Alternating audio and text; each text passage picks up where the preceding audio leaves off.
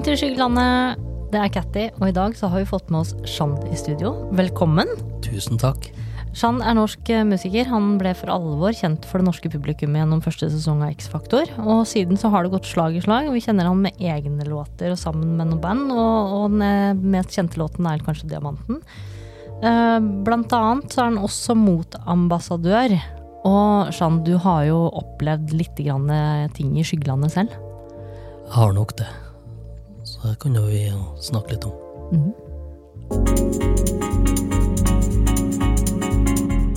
Shand, du er eh, ambassadør for mot. Hva er mot for deg? Du vet, når vi snakker om mot, så er det mange som har spurt meg om det. Hvorfor er du ambassadør? Og da har jeg alltid sagt det at eh, det mot står for, er òg veldig i slekt med det jeg holder på med tekstmessig. Ja. Så jeg syns det var litt fint å finne en eh, organisasjon som jeg syns hadde de verdiene som jeg sjøl føler jeg har, da. Både som menneske på en måte litt, og, og på en måte artisten i det. da. Så, så det var jo Start med det. Men eh, når du spør om det nå, så har jeg lyst, lyst til å fortelle litt av historien her nå. Du skjønner at uh, grunnen til at jeg ble motambassadør, vet du, det er at eh, jeg syntes jo det var så kult å kunne ha blitt det. Jeg så jo ja. Rosenborg-spillerne for med sånn motlogo på seg, og det var så Ja. tøft. Og så fikk jeg endelig lov å spille for mot lokalt i Grogn. Ja. Så jeg tok turen fra Namsos og til Grogn, for utom eh, eh, Eller Namsskogan var det faktisk. Namsskogan, ikke Grogn. Der eh, var det en stor sånn eh, motkonsert vi skulle ha. Eh, utom Familieparken. Og da var Samsaya var motambassadør, husker jeg den gangen. Oi, nå er vi langt tilbake i tiden. Ja, ja, det Langt og langt, altså. det var ikke i går, nei, men det var, var sånn ja, begynnelsen av 2000-tallet, tror jeg, en plass. Mm. Og, og, og jeg reiser dit med bandet og alt, og så er jeg så brennsikker på at nå kommer de til å spørre om jeg vil bli ambassadør. vet du. Mm. Og vi gjorde konserten. 600 ungdommer i regnvær. Ja. Og jeg har faktisk hele konserten live på sånn minidisk, vet du. Ja, sånn, Husker du det? Nei, Ja, nesten. Det er nesten jeg husker det. Og det har jeg liggende ennå. Og vi gjorde den konserten, og så var jeg brennsikker på at nå kom de til å komme bort og spørre om jeg ville bli ambassadør. da. Nei. Nei. Ikke en kjeft som spurte ut. Og der var de jo alle! Jeg ble ja. skuffet. Og ingen som spurte. meg, kom og sa tusen takk for at du var der. Og ja vel, og jeg var litt sånn, ja, litt smådeppa. Og, og så skulle vi begynne å rydde opp, og vi skulle tilbake til Namsos. sånn. Men så lå det et motklistremerke på bakken. Og det tok jeg med meg hjem. Ja. Og så tok jeg teip, Ja. og så festa jeg det på gitaren min da jeg kom hjem. Ja. Og så var jeg liksom motambassadør i min verden, sant? Ja, ikke ikke snedig. Og så går årene. Og så begynner jo denne X-faktor-verden øh, på TV og litt sånne ting, da. Ja. Og i det taket da, så ringer de jo for mot, da. Ja. Og så spør de liksom Ja, de ringte og lurte på om jeg ville bli ambassadør, da. Ja. Og da svarer jeg bare så tøft da, til dem at ja, men det har jeg vært i mange, mange år nå. Så Ai, så kult. Men grunnen til at jeg forteller den historien, det er litt med at jeg tror litt på at vil du noe sterkt nok, så handler det om å følge drømmene dine. Og, og noe fra hjertet, at du liksom virkelig vil det. da. Så at, eh, det var det jeg egentlig gjorde med den greia. At jeg på en måte laga det i min verden, og så ble det noe sånt. Og det er jo noe du har sagt mange ganger, som jeg har hørt deg si uh, i andre sammenhenger også, at vil du noe sterkt nok, så, så gjør du det. Og Ja. da får du det til. Men, men hva betyr det å være mot? Hva betyr mot for deg? Det betyr jo Altså, må, mot betyr jo mye for meg, altså, i den grad at jeg ser hvor viktig det er ute i samfunnet nå i dag. Når vi ser på hvordan verden har blitt, da, så tror jeg litt på at det er så viktig å styrke motet til ungdom, få dem til å bli robust og, mm. tro på seg sjøl. Og ikke minst den der biten med at uh, det er Jeg tror jeg har jo vært så heldig å vært på, på en fire år med, med en stor motturné med Nightland, der vi reiste hele Norge. Og når du sier hva betyr mot for deg, det, det, jeg, jeg- fant ut det når vi var på turneen der, og vi fikk med oss ungdommene. Og du møter folk som aldri har sunget for noen før, men har en sånn skikkelig drøm inni seg om å få lov en gang å få stå på scene, og så er vi der med proft anlegg, med, med hele greia, og så snakker vi litt, grann, og så blir de litt sånn usikre om de skal tore det, men så får vi på en måte overtale dem litt, og så ok, så finner de ut at de kanskje skal gjøre det. Og den der gleden og det gli, altså, Se de øynene der, og det, hvor stolt de er, og den sjøltilliten de har når de går ned fra den scenen, eksempel, Ja. det, det, det er mot det. Ja. Ja, for det handler om både det å være modig, men også det å, å, å være en støttespiller for å kunne hjelpe andre til å være modig. Helt klart. Og, og når jeg var på den turneen der, så syntes jeg det var like viktig, jeg. Når vi kom på forskjellige skoler og med den store bussen og sånn, og de begynte å rigge inn utstyr og sånn, så brukte jeg å gå meg en tur i skolegård. Mm. Og se heller han som sto litt på sida, som kanskje ikke skulle være med på, på konserten, men brukte å sette meg i matsalen, la meg høre litt med hvordan de hadde det, og hvordan er det miljøet på skolen din, og litt sånn. da. For nå er du inne på et par temaer som vi skal komme tilbake til, og det, det handler om, om inkludering blant annet. Men jeg har lyst til å holde litt fast ved det med mot, fordi jeg syns jo det er modig av deg å komme hit i dag. Vi, vi holder jo på med helt andre ting enn deg, vi driver ikke med musikk. Men, men vi driver med, med Skyggelandet, og, og det å komme hit og snakke om ting som er litt vanskelig, er jo utgangspunktet vårt. Vi, vi snakker om ting som er i skyggelandet. Hva, hva tenker du, altså Vi setter utrolig pris på at du kommer hit i dag. Men hva, du, hva tenkte du når du fikk invitasjon, og hva tenker du at skyggelandet betyr for deg? Jeg kjente jo litt på det da når, når jeg fikk den der spørsmålet om å komme hit, og så kjente jeg at dette er jo òg noe som jeg har prøvd å snakke om, og som jeg brenner for, men som jeg òg føler jeg har kjent på kroppen sjøl. Mm. Så da var det ganske lett å si ja, og komme og prate litt om det. Mm. På hvilken måte har du kjent det her på kroppen? Nei, jeg har kjent på det med utenforskap, jeg har kjent på det med å bli mobba, det med at ingen hadde tro på meg. Mm. Ingen trodde at jeg fikk til noen ting. Mm. Eh, og mye av den der biten å føle deg på utsida og veldig mye alene Ja. i ungdommen, Ja. følte jeg veldig mye på dere. Mm. Og klart at eh, da blir det vel kanskje Det gjør, det former deg som menneske, og det gjør jo noe med deg som sangskriveren og, og, og den veien jeg har gått. da. Mm. Ja, for du kommer jo fra et lite sted, og, og jeg har litt lyst til å snakke litt om det med å um, Det her berømte bygdatrollet. Vi, vi, det er veldig lett å si at vi er rause og modige og åpne når man bor i store byer og bygder, men, men uh, Norge består jo ikke av så veldig mange av det, da. Så de aller fleste av oss bor jo kanskje ikke i en stor by. Nei. Og da møter vi jo det som du kanskje har kjent på, da, i forhold til at du kommer fra et lite sted. Ja, det er jo, det er jo litt sånn todelt når du ser det her, da. For, jeg, for så var det jo litt det med at noe inni meg ville vise at jeg òg var musiker og hadde den artistbiten, og prøve å komme frem og nå inn via det.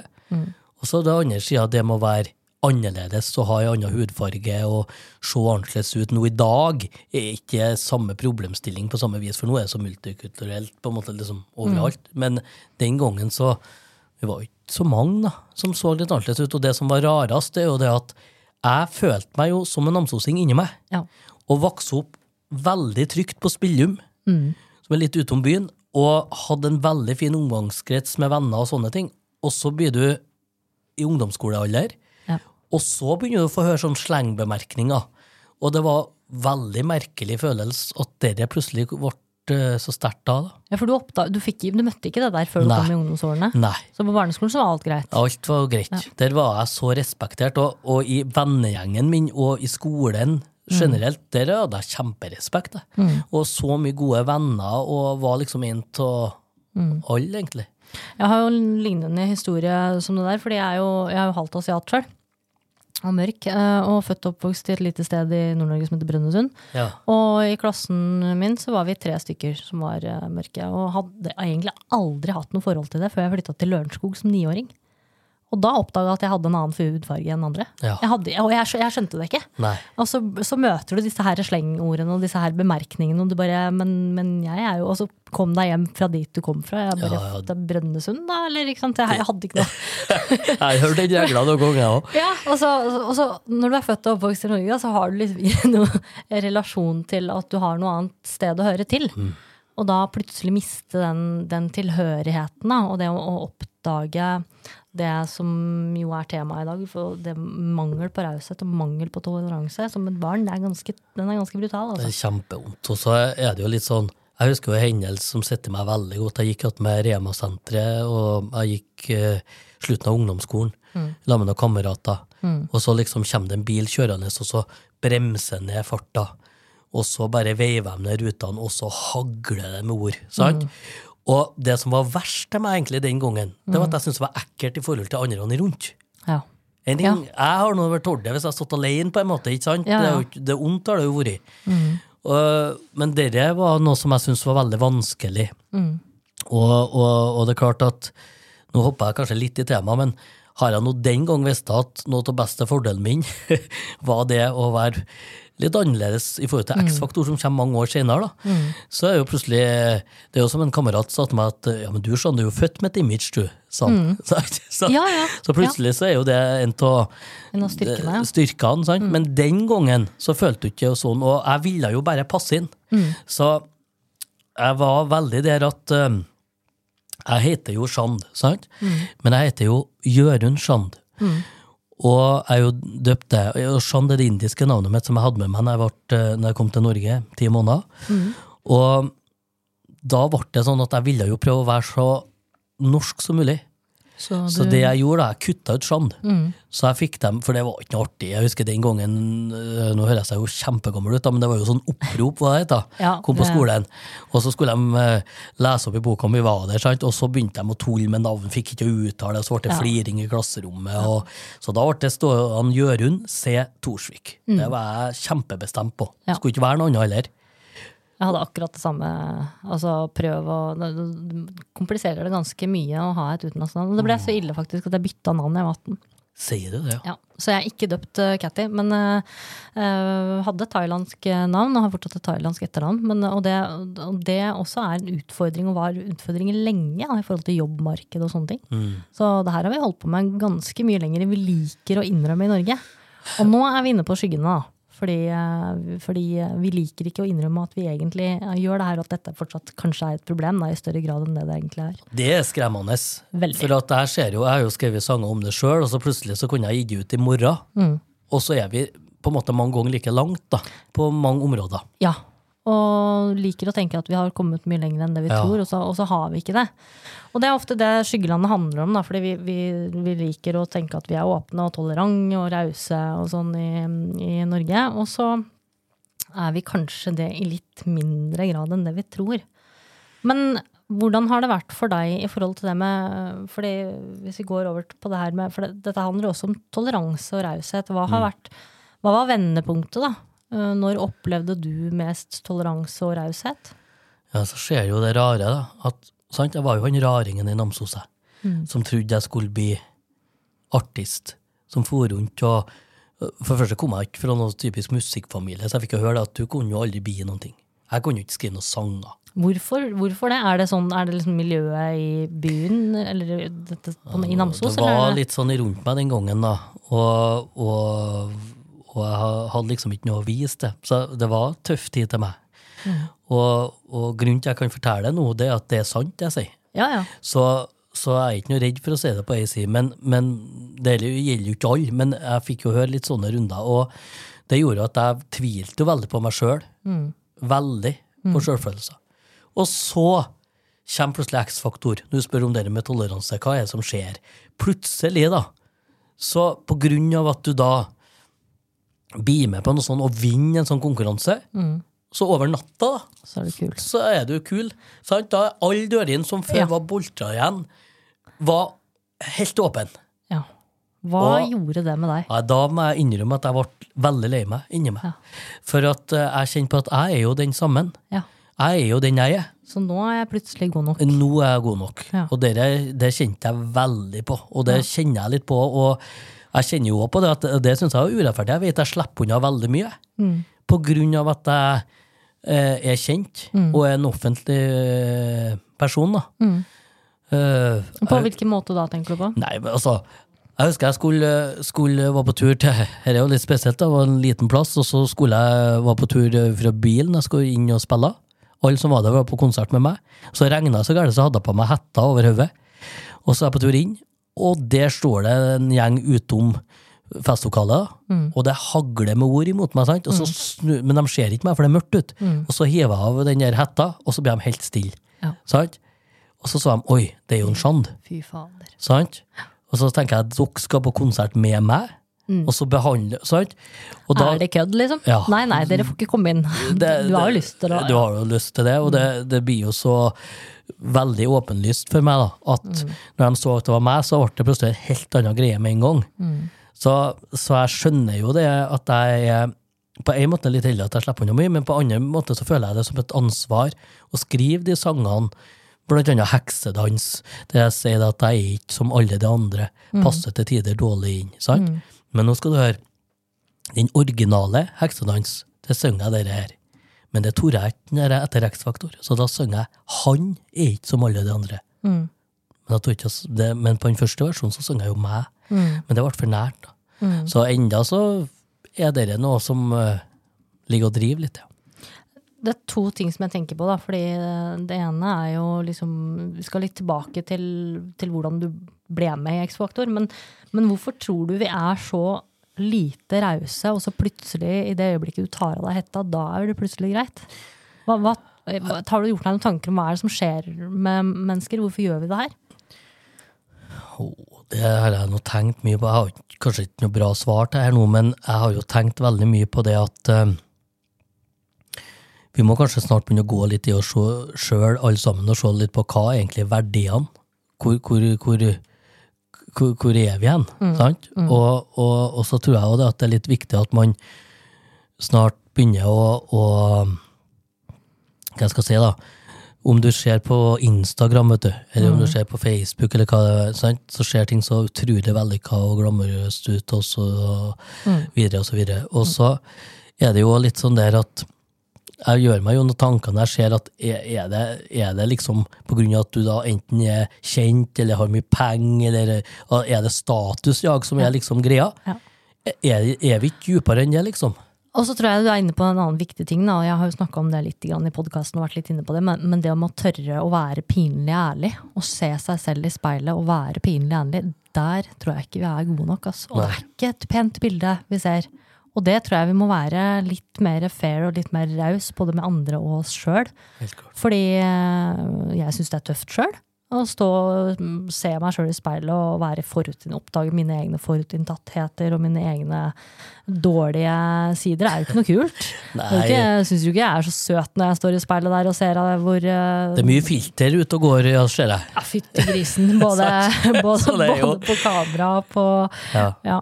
Men, det, men det tror jeg også handler om det, og som du sier, vi ser på, på internett hvor eh, liksom fint det er, og så er det egentlig ikke så fint. Og det, det er vanskelig å være raus når, vi- når verden ikke ser ut sånn som det vi tror den ser ut. Men da må vi begynne med oss sjæl, tenker jeg. Alle må gjøre det. Men så må jeg legge til det, da. Så er jeg så utrolig heldig. Jeg er så rik på så mye ekte, gode venner. Jeg må legge til det. Jeg hadde en sånn 40-årskalas her i oktober.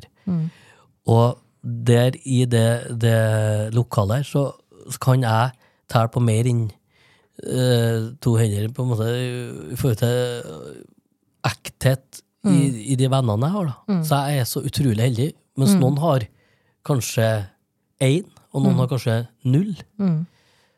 Ja, for det er det med de, de, ekte, de ekte forbindelsene der. Og det er ikke alltid like lett å finne, altså. Men la meg ta oss litt tilbake, fordi det skjedde det som skjedde, og du blei med i X-Faktor. Men før du blei kjent, og før du plutselig da blei god nok, så måtte det jo noe til for at du skulle, med denne bakgrunnen og de, de forutsetningene som du da ikke hadde, og ifølge andre, Ja. melde deg på. Hvor, hvor, Jeg gjorde ikke hva? det. Nei, du gjorde ikke det? Nei, nei, nei. nei. Historia er sånn at jeg fikk eh, en Jeg var på rikskonsertturné den tida der, Ja. i Trondheim. Og syntes det var stort nok. Jeg Husker jeg skulle reise helt ifra Namsos, bo på hotell. Vi fikk leid bil. Jeg syntes det var svære greier. Ja, ja. Og vi guttene tjente penger på å gjøre det vi syntes var artigst. Nei, du verden, du verden. Jeg hadde det kjempefint. Og hadde egentlig bestemt meg om å gå den der lange, harde veien. Og, og så kommer det en sånn forespørsel om jeg vil være med i et sånt nytt program som heter Norske Talenter. Og så tenkte jeg at nei, jeg var ikke noe interessert i det. Så jeg takka nei til det, for jeg hadde eh, registrert noe sånt program før, så det, det, det brydde jeg meg ikke så mye om. Så går det en liten stund, og så får jeg enda en mail fra produksjonen. Da har de et annet konsert som heter X-Faktor, om jeg vil være med der, da. Så takka jeg pent nei. Men så ga de ikke seg, vet du. Så sa de om, om ikke jeg kunne komme på en sånn audition, da. Ja. Ja, og så på den turneen der så drev jeg og jobba med forskjellige sanger, og sånn, og så hadde jeg skrevet en låt som jeg hadde litt trua på. Så tenkte jeg han er Jan Fredrik Karlsen, han hadde, hadde jeg jo sett på TV, og var brennsikker på at han kom til å gi meg loddrett ut. Ja. Så det, det hadde jeg egentlig stålsatt meg med. Og så tenkte jeg, men hvis jeg kunne komme inn i det rommet og spille litt av refrenget til låta mi, så kunne jo det hjelpe, og så kunne jeg ferda igjen mm. på den turneen min. Ja. Så det var eh, planen min. ja. Så sier jeg ok, jeg kan komme inn, jo, men jeg er så stas med Trondheim, da, vet du, så da fikk jeg meg en Trondheimstur, og det var fint. Ja. Så jeg for eh, til Trondheim, og, men så går jo ikke det etter planen, for plutselig så gikk jeg jo videre. Og da ble jeg det litt sånn der, jeg skulle jo bare spille låta. Og da måtte jeg jo begynne å ordne meg hotellrom og være over der, og så du verden og verden, da. Og så gikk det jo kanskje ikke så tullete. Nei, det får en si. Det gjorde jo ikke det. Fordi jeg tenkte på det, altså det må være ganske sånn, du har liksom jobba ganske hardt for det her, da, og så melde seg på, men jeg skjønner jo godt at hvis du ikke da meldte deg på, fordi det handler jo om det, det å stå der også, fordi det er en TV-produksjon, ikke sant? X-Faktor hadde jo aldri gått til Norge før. Nei, hadde så ingen som visste hva det var. Nei. Og for det andre så hadde vi hatt Idol i mange år, Ja. men det sang de alle på engelsk. Mm. Og jeg vil påstå det, av alle de 8000 påmeldte, tror jeg det var som sirkumsarium, Mm. så var det fåtallet som sang på norsk den gangen. Ja, det var det nok. Ja. Mm. Og jeg hadde jo allerede da staka ut på en måte den, den veien der. Mm. Og, og, og det var jeg klar og tydelig på fra jeg begynte å skrive sanger. Jeg husker jeg begynte å skrive sanger fra jeg var 14 år. Mm. Og jeg, Det var, um, du var ganske ung da når du begynte å skrive. ja, det skal jeg love deg, men jeg er gammel sjel. Jeg vet. Ja. Sant? Husk på, Det ligger ut en låt for eksempel på nettet fra Kongerikeplata som heter 'Engel i natta'. Mm. Og den eh, er jo skrevet da jeg var 16 år. Ja. Sant? Og mange av sangene som ligger ute, er sånn 16-17-årsalderen. Mm. Jeg skrev dem. Og så nå i dag, i, når jeg nå har blitt 40, så begynner jeg å liksom nærme meg det egentlig. Mm. Litt i, i forhold til levd liv, da. Hva tenker du om det at de låtene som du skrev for såpass lenge siden, er så aktuelle som det de er i dag? Det er litt trist, egentlig. Ja. Skjønner du meg? Ja. På grunn av at eh, det vil si at verden går ikke så gæli fort fremover. Da. Så at eh, med at de er så aktuelle, så sier det jo litt om at det er viktig, men jeg føler meg som en budbringer i tekst og musikk. Jeg vet at det er dette jeg skal gjøre. Mm. Jeg har alltid visst det. Mm. Jeg sa jo det på ungdomsskolen òg, at jeg skulle bli musiker og artist. Så dette visste jeg jo inni meg hele tida. Men eh, at veien eh, Altså, det er jo ingen karriere som er på topp hele tida. Men jeg vet at det er ikke noe annet jeg skal holde på med, å, å skrive sanger for, å, for dem på skyggesida. Mm. Det er jo noe av dem som jeg syns er viktig. Hva er det som inspirerer deg nå i dag? Det var et ganske stort spørsmål. Ja, for, ja, sorry.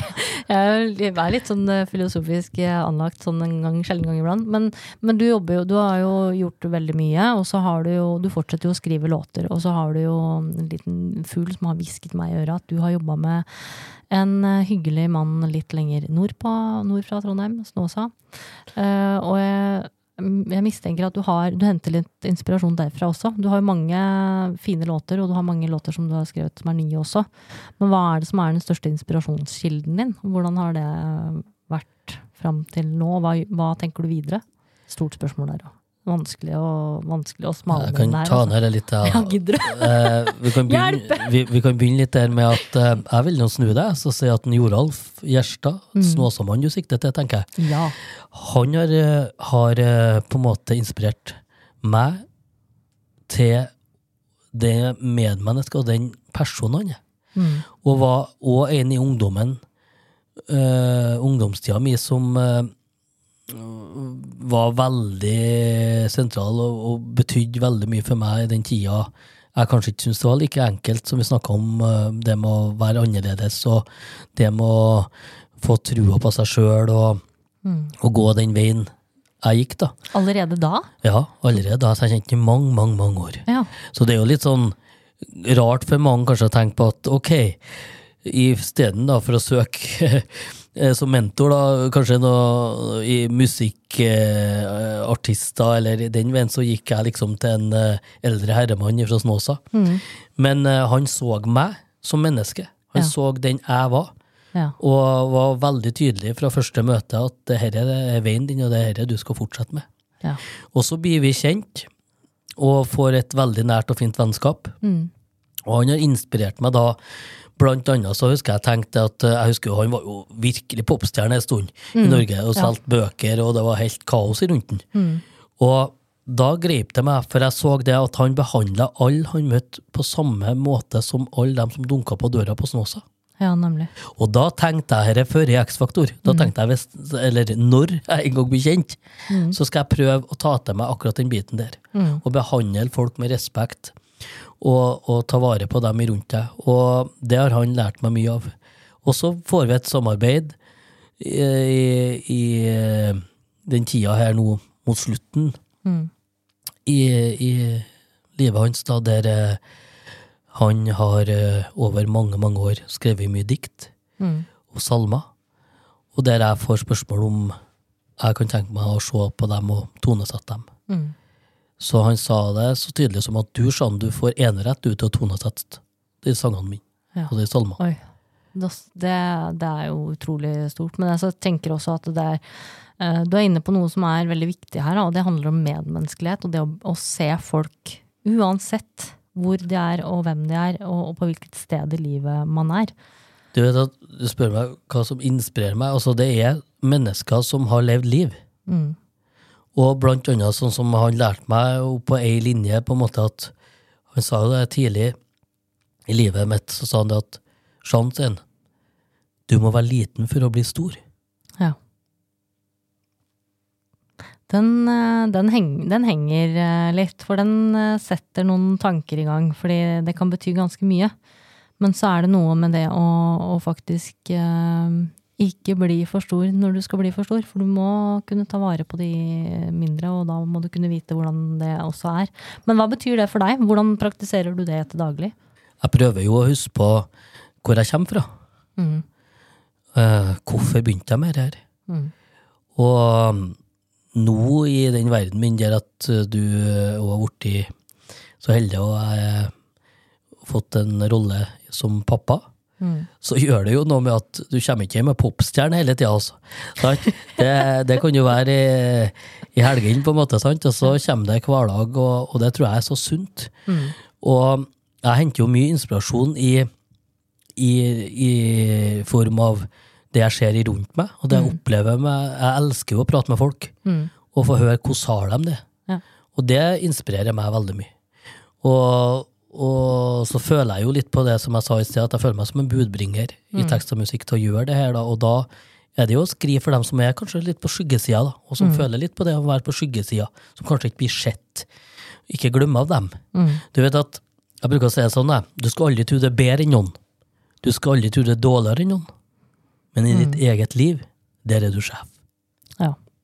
Den er veldig fin, fordi eh, vi sliter jo litt sånn og Den den der tar på en måte janteloven og legitimerer hvem du er som menneske, uten å ta deg ned. For i Norge så er vi ganske gode på det her jantelovgreia, altså. Og det, den måten du sier det på, det er veldig fin, fordi den løfter deg opp istedenfor. Og så bestemte jeg meg ganske tidlig for at jeg hadde ikke lyst til å bli sånn typisk kjendisverden, men jeg kan jo være kjent. Ja. Og så må jeg tenke veldig ofte over hvorfor og hva er det jeg egentlig holder på med. Jo, jeg skal skrive sanger for folk. Jeg bruker å si sånn, enten så blir du politiker, eller så blir du kanskje sangskriver. Jeg vet ikke. Jeg har ikke blitt noen av delene. Jeg håper ikke jeg blir politiker, i hvert fall. Nå nærmer vi oss en tid på året hvor alt dette her blir veldig fremtredende. Hva er, hva er disse tingene som vi har snakka i dag? Hva er raushet? Hva er toleranse? Hva er medmenneskelighet? Hva er eh, inkludering? Eh, hvilke tanker gjør du deg rundt det her når du nå er pappa sjøl? Det er jo noe som jeg syns er veldig viktig å ha med seg hele tida i livet, jeg, da. Eh, Men så er det jo litt sånn der at eh, når vi nå nærmer oss på en måte den Vi er i desember, jula står for tur igjen, så blir ting så utrolig synlig igjen, med den biten med at ting virker jo Altså, på en måte skal virke veldig Det er jo sikkert veldig mange som har det fantastisk flott, men så er det veldig mange som har det ganske tøft i den tida her òg. Og særlig den tida vi lever i nå. Mm. Det, det er jo en veldig tøff tid i hele verden. Mm. Og med krig som durer, og forskjellig rundt med pandemi og forskjellige ting, så er det jo klart at uh, ting er Det er annen tid. Og det er klart at jeg tenker jo veldig ofte på alle dem som kanskje ikke har det like ok. da. Mm. Det er dem som jeg kjenner veldig for. Altså, jeg, jeg blir så jeg, altså, nå, nå tenker jeg veldig ofte på det at er det så vanskelig å gi kjærlighet? Er det så vanskelig å bare være medmenneskelig og gi kjærlighet? Se hvor fint det er når du kan gjøre noe fint for noen. Om det er naboen, om det er noen du ikke har snakka med på lenge. sant? Jeg bruker å si sånn at de største medmenneskene mange ganger for meg, det er dem jeg aldri får se. Mm. På hvilken måte da? Det er dem som ikke skal lyse på det, men som gjør det fra hjertet sitt. Mm. De er store for meg. Og det er utrolig fint det du sier det der, fordi at uh, koster det så mye? Betyr, Ja, altså, er det så er- vanskelig for oss å være men menneskelige? Er det, hvorfor, det koster oss egentlig ingenting. Er det så vanskelig å vise kjærlighet? Er det så vanskelig å gi? ikke sant? Og så, så er vi så opptatt av liksom det i jula ofte, og så glemmer vi det ellers i året. Og som du sier, da, det er jo så mange som har det vanskelig, og så mange som ikke har det så greit. Ja, det skal jo liksom være det fine til ungene, da. Ja. Det med jul og Det skal jo være trygt og fint i, mm. i min verden, på en måte. Mm. Men det er ikke sånn. Og sjøl så er jeg barne- og ungdomsarbeider, Mm. så jeg har jo opplevd eh, en del hendelser der eh, og fått eh, sett på en måte òg den skyggesida, Mm. der ikke det er like ok. da. Mm. Og jeg husker jo blant annet mange år siden i jobben min så satt der med en jeg var like før jul og satt der med en seks år gammel gutt på fanget mitt, og så sier jeg til han at ja, gleder deg til jul, da, sa jeg til han. Mm. Og liksom tenkte at nå skal han fortelle hvor fint alt var, og sånn. Og så kikker han bare på meg, så blir han helt stille, og så sier han nei. Og jeg vært så med meg, for jeg hadde ikke liksom sett for meg det svaret. da. Nei. Og jeg fikk så vondt i meg, og begynte å tenke på at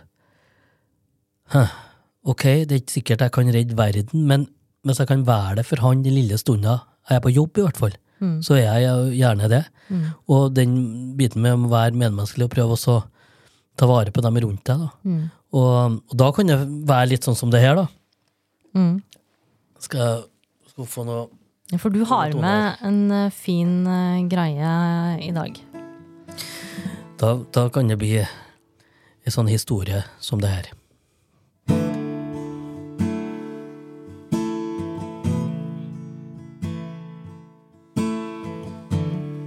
Jeg så alene på ferden.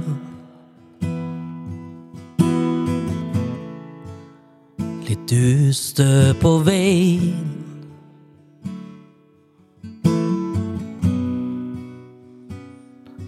Tar du steget mot et mål.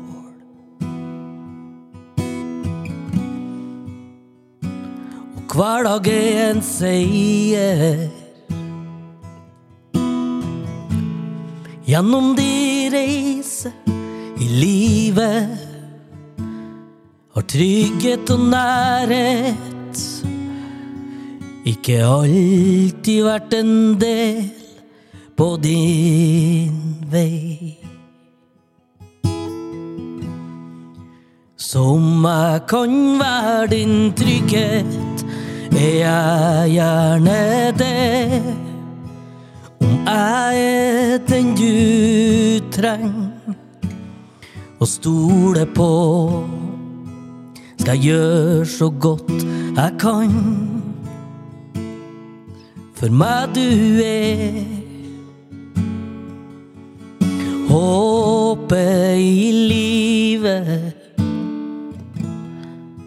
Ja, det finest som er.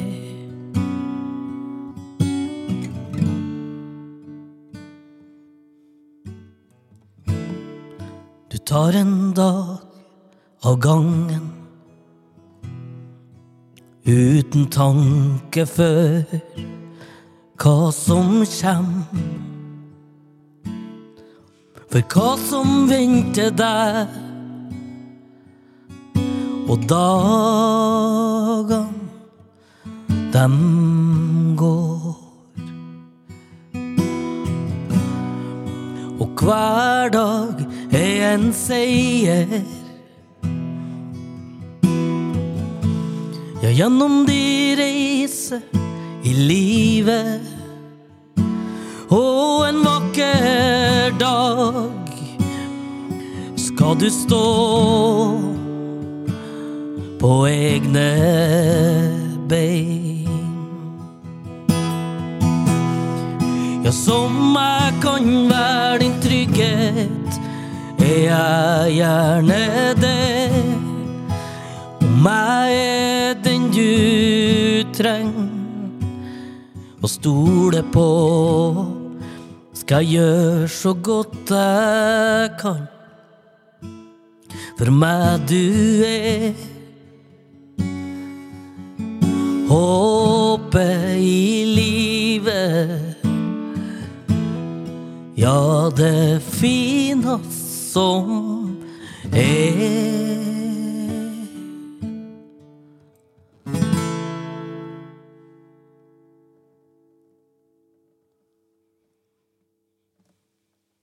Det var helt utrolig fint, sant. Og, og jeg sitter med tårer i øynene og syns um, Altså, den her treffer jo ikke bare Den treffer jo ikke bare et barn, den treffer jo voksne også, fordi du synger om ting som veldig mange av oss har kjent på.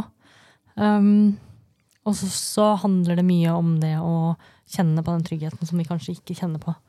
Det handler litt om det, og det, det er jo på mange måter, som jeg har nevnt nå, så er det jo eh, tekstene og sangene mine, så er det jo dem da som er litt på skyggesida, og som på en måte kanskje ikke har det like ok, og jeg vil på en måte prøve å sette noen ord og toner i forhold til dem, da. Jeg syns det er viktig. Og så tenker jeg på et par ting, fordi um, um, Jeg sitter og tørker tårer ennå. Men du har jo opplevd mye tøft, og du har møtt mennesker som har opplevd mye tøft. Men det å være det mennesket som du er i dag, det er jo et valg. Hvorfor Altså, hvorfor øh, Sorry at jeg sier men hvorfor er du ikke et rasshøl? Nå skal jeg fortelle en ting, at jeg tror mer og mer i voksen alder på karma. Jeg tror ikke noe på bitterhet. Jeg tror ikke noe på det med å være sint på verden bestandig. Altså, det, du, det er mye urettferdighet ute her, men jeg tror litt på det at uh, jeg må prøve å oppføre seg som folk, og prøve å være så ok som mulig. Så får du som regel det tilbake. Og så er det jo noe med det at hvis du skjønner meg rett nå, på en måte så var det kanskje meninga at jeg skulle oppleve det jeg opplevde i ungdommen og i, i den tida med å føle seg annerledes og litt på skyggesidene, da. På grunn av at det kanskje har forma meg til å skrive de sangene og meg som artist. Men, men hva er det som gjør at man Fordi det er jo så mange av oss som har hatt det mye tøft, eh, og mange som har det tøft i dag. Um, hva, det, hva vil du si til de som opplever tøffe ting? Fordi vi kan velge å gjøre to ting. Du kan velge å, som du sier, ikke sant, være bitter eller, eller eh, forbanna på livet, eller så kan man velge å gjøre det som du blant annet gjør, da. Da vil jeg si det at jeg fikk en telefon i 2005. På hustelefon, vi er på det nivået. Og så ring, ringer det, og så tar jeg telefonen så sier det bare i andre enden. Hei, det er Joralf Gjerstad fra Snåsa som ringer. Du skal stelle til låt som heter Usynlige krefter, og skulle tenke på meg, og så går det bra. Og så la han bare på. Og jeg Ja. sitter litt sånn, hva i all verden var det her? Og låta kom, og når du spør meg om det spørsmålet, du sier hva sier jeg til alle dem som har det tøft, dem som kanskje ikke har det like enkelt, så vil jeg sitere det andre verset i den låta der jeg sier du finner styrke i deg sjøl. Det er ingen annen som kan gi. Så mye sterkere enn før. Og la framtida bli din sti. Og det er litt sånn Veldig ofte må vi gå i oss sjøl og finne ei kraft og finne styrke i oss sjøl. Takk for at du kunne komme. Sjøl takk. Vi legger ut link til Shand på skyggelandet.no, så hvis du vil vite mer, så ta en titt der. Nå er det snart jul, og vi vil ønske alle våre lyttere en riktig god, varm, raus, inkluderende og sexy og skamfri jul. Vi er tilbake i 2023 med nye spennende, pinlige, kenke, skamfulle, sexy og ærlige temaer. Og hvis du har ønsker om temaer eller lurer på noe som vi har snakka om i dag, eller andre ganger, ta kontakt med oss. Du kan sende en e-post til skyggelandpodden at gmail.com. Eller så kan du sende en melding på Instagram. Der heter vi Skyggelandpodden. Vi behandler alle henvendelser anonymt. eh, Og vi er på andre sosiale medier også. Riktig god jul og godt nyttår.